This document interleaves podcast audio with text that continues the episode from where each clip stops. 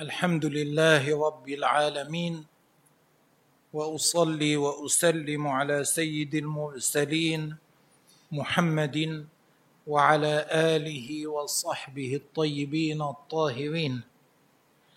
كنا آخر كان آخر ما ذكرناه في الحصة التي سبقت أن الحقيقة ثلاثة أقسام وأن المجاز أربعة أقسام. هذا كان آخر ما ذكرناه في الحصة الماضية. نعم نكمل من حيث وصلنا. امضي بارك الله فيك. بسم الله الرحمن الرحيم. الحمد لله رب العالمين وصلى الله وسلم على سيدنا محمد وعلى آله وأصحابه الطيبين الطاهرين. قال المؤلف رحمه الله والأمر والأمر استدعاء الفعل بالقول. آه من قبل ما قرأناه اقرأه والمجاز بالاستعارة كقوله تعالى جدارا يريد أن ينقض أي يسقط. فشبه ميله إلى السقوط بإرادة السقوط التي هي من صفات الحي دون الجماد. والمجاز المبني على التشبيه يسمى استعارة. هذا ذكرناه معناه كله ذكرناه. نعم. والأمر استدعاء الفعل بالقول ممن هو دونه على سبيل الوجوب. فإن كان الاستدعاء من المساوي سمي التماسا أو من الأعلى سمي سؤالا. آه. يعني الآن يعرف يعرف الأمر. أليس قال الكلام منه أمر ونهي؟ يعرف الأمر. يقول الأمر استدعاء الفعل بالقول. طلب الفعل. استدعاء الفعل يعني طلب الفعل بالقول. إذا طلب من شخص بالقول أن يفعل فعلا يقال هذا أمر هذا هو الأمر على الحقيقة. هذا هو تعريف الأمر. استدعاء الفعل بالقول طلب الفعل بالقول. هذا هو تعريف الأمر. هذا هو التعريف الراجح بالأمر. هذا هو التعريف المعتمد. وذهب بعض استدعاء الفعل بالقول على سبيل الوجوب. يعني اذا طلب إذا طلب من إنسان بالقول أن يفعل فعلا بحيث لا يجوز له تركه هذا يقال عنه أمر. هذا هو الأمر حقيقه. Is, هذا هو الأصل في الشرع في معنى الأمر. إيه، هذا تعريف الأمر إيه، هذا التعريف الراجح للأمر. وقال بعضهم يشترط أن يكون إلى من هو ممن هو دونه الطلب ممن هو دونه رتبة أقل منه رتبة. أما إذا كان الطلب ممن يساويه في الرتبة أو أعلى منه فليس امرا. إذا كان من المساوي يسمى التماسا. وإذا كان ممن هو فوقه يسمى سؤالا. وأما وهذان وهذا القول ليس قولا ليس هو القول القوي. القول القوي أنه لا يشترط أن يكون من الأعلى إلى الأدنى. الطلب من المساوي والطلب من الأدنى والطلب من الأعلى إذا كان بحيث لا يجوز لمن طلب منه الأمر تركه هذا هو الأمر. نعم امضي. وإن لم يكن على سبيل الوجوب بأن جوز الترك فظاهره أنه ليس بأمر أي في الحقيقة. أما إذا كان طلب منه سواء كان أعلى أو مساويا أو أدنى مع جواز أن يترك هذا لا يسمى امرا في الحقيقة. وقد يطلق عليه الأمر مجازا مع وجود قرينة. معناه الطلب طلب الفعل الذي هو مندوب وليس واجبا لا يقال عنه أمر لا يقال عنه أمر على الإطلاق بلا قرينة. نعم امضي.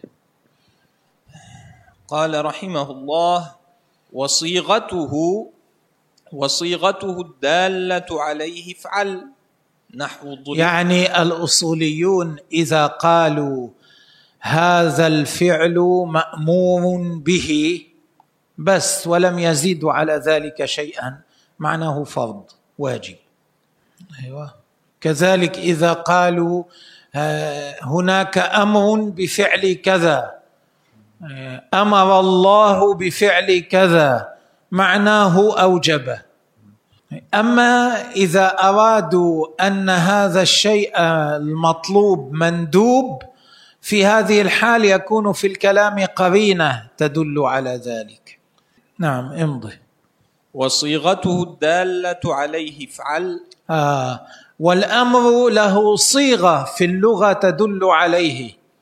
هذه الصيغة هي كل ما دل على الأمر. كل ما دل على الأمر مثل افعل لتفعل فعالي يعني كل هذا من صيغ الأمر. هذه الصيغة دالة على الأمر. كل ما جاء على وزن هذه الصيغ فهو دال على الأمر. اذا في اللغة صيغة تدل عليه على الأمر. فعل الأمر يدل عليه والمضارع الذي دخلته اللام يدل عليه واسم فعل الأمر يدل عليه. واسم فعل الأمر يدل عليه. هذه أشياء يعرفها من درس النحو. نعم. لكن مثالها افعل لتفعل فعالي. امم ما شاء الله. امضي. نحو اضرب وأكرم واشرب. هذه أمثلة لفعل الأمر على وزن افعل. نعم هذه كلها إذا جاءت مجردة من القرينة تدل على اللزوم. يلزمك أن تضرب يلزمك أن تشرب يلزمك أن تكرم. وهي عند الإطلاق والتجرد عن القرينة الصارفة عن طلب الفعل تحمل عليه أي على الوجوب. فإذا لم يكن هناك قرينة إذا كان الفعل مذكورا من غير قرينة من غير قرينة تصرفه عن الوجوب تصرفه عن أن يكون طلبا. إذا كان الفعل من غير قرينة تصرفه عن الوجوب مستعملا يدل على الوجوب. القرينة أحيانا تكون قرينة عقلية. تصرفه شيء في العقل يدل على أنه لا يراد منه الأمر الدال على الوجوب تصرفه عن الوجوب. تصرفه عن أن يكون أمرا. وأحيانا تكون القرينه شيئا مذكورا معه. وأحيانا تكون القرينه شيئا مذكورا في موضع آخر في القرآن أو في السنة.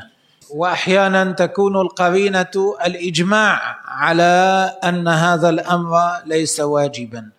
أما إذا ذكرت صيغة الأمر بغير قرينة فهي دالة على الوجوب.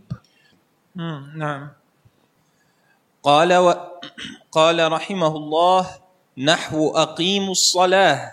إيه، هذا مثال قول الله تعالى أقيموا الصلاة.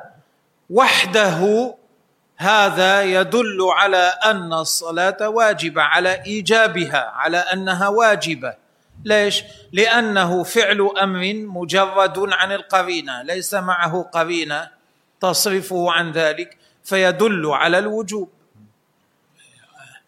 أما مثلا قول الله تعالى كونوا قردة خاسئين لا يدل على الأمر لأن العقل يدل على أن المراد هنا كونوا بكونوا ليس معناه افعلوا فعلا إنما معناه جعل الله لهم قردة نعم.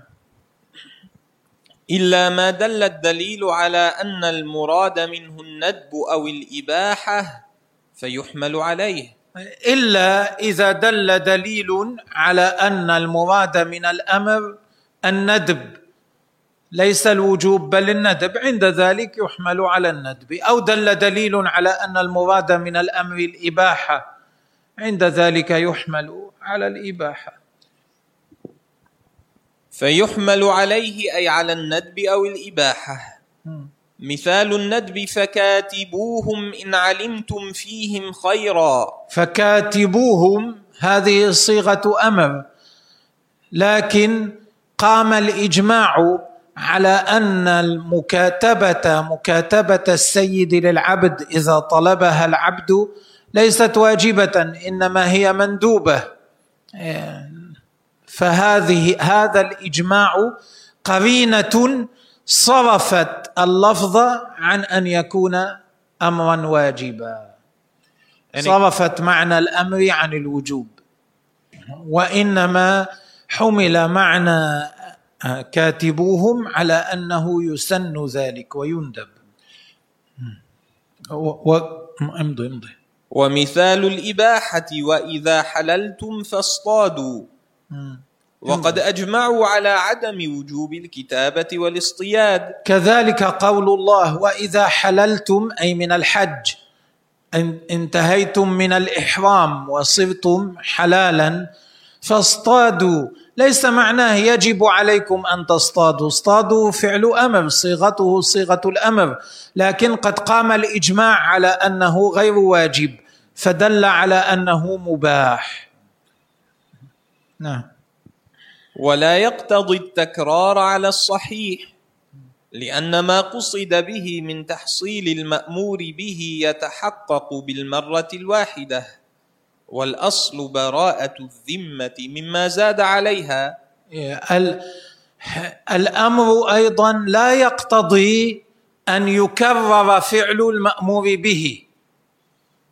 لا يقتضي أن يكرر المأمور فعل المأمور به. إنما معنى الأمر افعل هذا ات به. فإذا فعله مره حصل المأمور به. فلا يجب أن يكرره إلا أن يكون هناك أمر آخر بالتكرار. لأن افعل معناه اتصف بهذا الشيء الاكتسب هذا الشيء المطلوب منك هذا معنى افعل وهذا لو فعله مرة واحدة كاف لحصوله. ولا وليس هناك ما يوجب الزيادة. ما في شيء يوجب الزيادة في الأمر. فلا يقتضي الأمر التكرار. هذا هو القول الصحيح. وبعض العلماء قال الأمر يقتضي التكرار. معناه إذا أمر بشيء أمرا بلا قرينة معناه هو مطلوب منه ما استطاع في عمره أن يفعله. إلا إذا كان هناك ما يدل على خلاف ذلك. لكن هذا ضعيف هذا القول ضعيف. القول المعتمد أن الأمر لا يقتضي التكرار. إلا إذا كان هناك دليل يدل على ذلك. نحن نصلي كل يوم لأن هناك دليلا دل على أن الصلاة يجب تكرارها كل يوم. أما مجرد قول الله تعالى وأقيموا الصلاة أو أقيموا الصلاة لا يدل على التكرار. خلونا نعيد. أما غير ذلك أما بعض الصيغ التي وردت في الأمر بالصلاة لا تدل على وجوب التكرار وإنما عرف وجوب تكرارها كل يوم من أدلة أخرى. امضي. إلا إذا دل الدليل على قصد التكرار فيعمل به. نعم. كالأمر بالصلوات الخمس. والأمر بصوم رمضان. كذلك صوم رمضان. نصوم كل مرة شهر رمضان كل سنة لأنه قام أدلة تدل على وجوب التكرار كل سنة. امضي ومقابل الصحيح أنه يقتضي التكرار فيستوعب المأمور بالمطلوب ما يمكنه من زمان العمر حيث لا بيان لأمد المأمور به لانتفاء مرجح بعضه على بعض. ومقابل الصحيح أي القول الضعيف أن مجرد الأمر صيغة الأمر بلا قرينة تقتضي التكرار. إذا اقتضت التكرار عند ذلك الإنسان المأمور بهذا الأمر يستوعب بالمطلوب يفعل هذا المطلوب ويكرره ما يمكنه من زمان العمر ما يستطيعه في عمره يبقى على تكراره. حيث لا بيان لأمد المأمور به هذا إذا لم ياتي في النصوص ما يبين إلى متى يفعل ذلك. إذا لم ياتي في النصوص ما يحد حدا يبين غاية نهاية. لفعل ذلك وتكراره. ليش؟ يقول لانتفاء مرجح بعضه على بعض لأنه لا يوجد ما يرجح فعله في هذا الزمن على فعله في الزمن الذي بعده ولا فعله في الزمن الذي بعده على فعله في الزمن الذي بعده.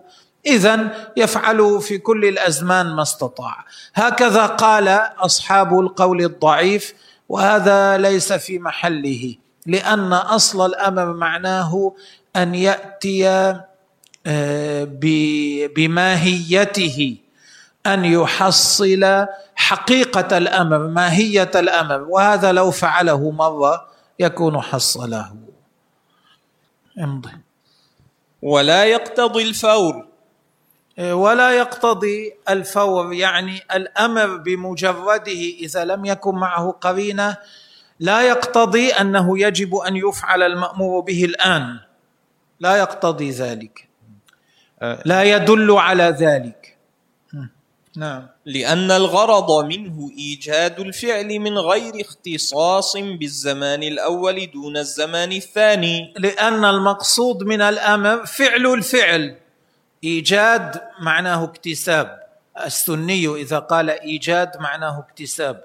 الغرض منه اكتساب الفعل أن يكتسب الفعل في أي زمان كان.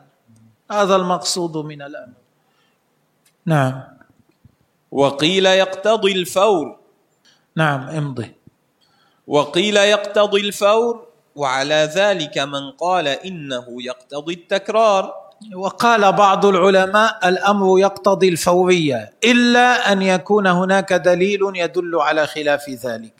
الذين قالوا يقتضي التكرار قالوا يقتضي الفورية والقول ضعيف كما قدمنا. والأمر بإيجاد الفعل أمر به وبما لا يتم الفعل إلا به. إيه. الأمر باكتساب الفعل بفعل الفعل أمر به واضح. وبما لا يتم الفعل إلا به يعني إذا كان لا يستطاع فعل هذا الفعل إلا بفعل أمر آخر ما في مجال لا مجال لفعل هذا الأمر إلا بفعل أمر آخر. فالأمر الآخر أيضا مامور به. كما لو قال لك قائل صلي ولا مجال لك لتصلي إلا أن تتطهر. إذا كنت على غير طهارة. فقوله صلي هو أمر أيضا بالطهارة ولو لم يذكر ذلك. كما لو قال لك قائل اصعد إلى السطح ولم يقل لك اجلب سلما لذلك. لكن أنت لا تستطيع إلا أن تجلب سلم. فمعنى كلامه هو أمر بجلب السلم أيضا بتسلق السلم حتى تصل إلى السطح. لذلك عند غسل الوجه في الوضوء يقولون يجب أن يزيد الإنسان قليلا من مما حول حدود الوجه وذلك حتى يضمن أن يكون غسل الوجه كله. ويقولون ما لا يتم الواجب إلا به فهو واجب هو من هذا الباب. امضي. كالأمر بالصلاة أمر بالطهارة المؤدية إليها. فإن الصلاة لا تصح بدون طه... بدون الطهارة. نعم هذا ذكرناه. امضي. وإذا فعل بالبناء للمفعول أي المأمور به يخرج المأمور عن العهدة أي عهدة الأمر ويتصف الفعل بالإجزاء. إذا أمر العبد بأمر ففعله. في هذه الحال خرج عن العهده ما عاد مطالبا بشيء آخر يتعلق بهذا بهذا الأمر. وما فعله يعد مجزئا. معناه سقط الطلب عنه في فعله. ولذلك إذا أدى إنسان الصلاة هنا شيء أريد أن أستحضره جيدا.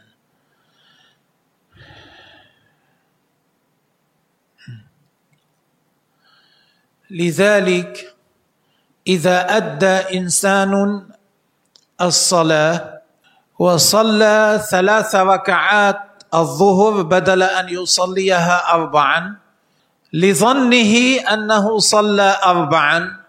يعني ظن أنه صلى اربعا بينما هو صلى في الحقيقة ثلاثا. يكون هنا قد أدى المطلوب منه لأنه ليس مطالبا ليس عليه ليس عليه تقصير في عدم فعل ما نسيه. ليس عليه مؤاخذة. في عدم فعل ما نسيه.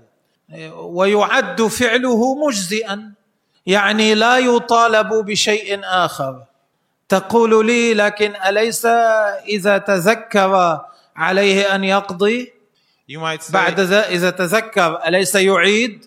بلى لكن هذا بأمر آخر. هذا لأنه جاء أمر آخر في الشرع. أنه يعيد إذا تذكر. لأنه جاء أمر آخر في الشرع أنه إذا حصل معه كذا وكذا وكذا يعيد الصلاة. لأنه لما فعل ما يستطيع في الحال الأولى وقع فعله مجزئا. لأن الإنسان لا يكلف إلا ما في وسعه ليس مكلفا إلا بما في وسعه. وكيف وهو ليس يعني وإذا نسي إذا توهم أنه صلى اربعا فهذا الذي بوسعه قد أتى به. ما شاء الله هذا موضوع فيه شيء. امضي امضي. الذي يدخل في الأمر والنهي وما لا يدخل. إيه هذه إيه هذه. هذه ترجمة. هذا فصل جديد. من يدخل في الأمر والنهي ومن لا يدخل؟ من هو مامور منهي ومن لا يتوجه إليه الأمر والنهي؟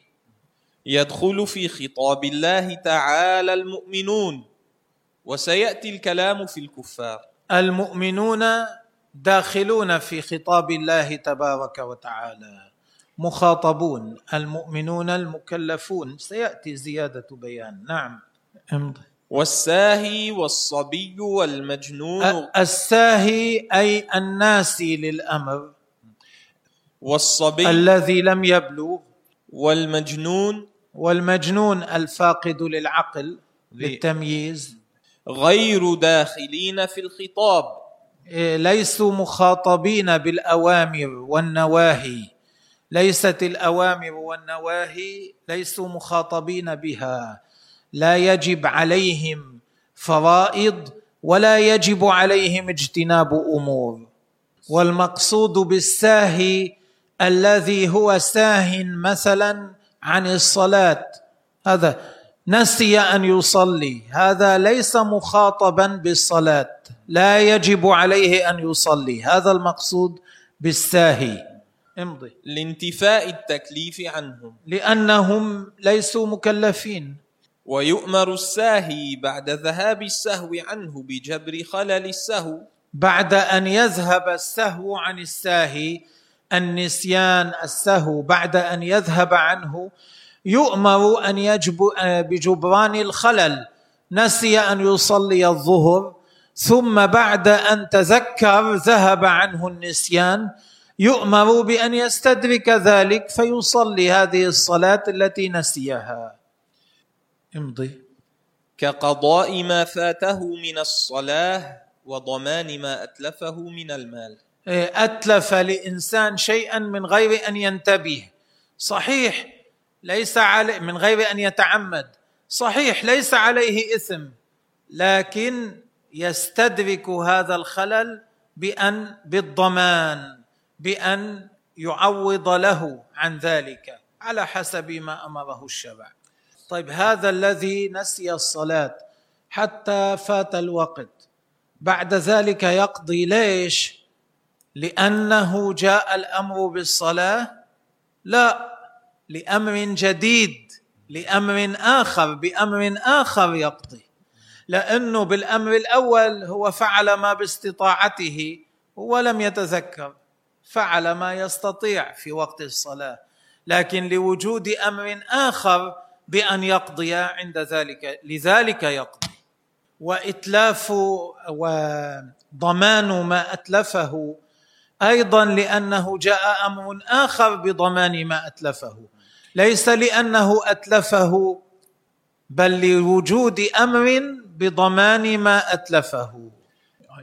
هذا هذا بالنسبة للمؤمنين.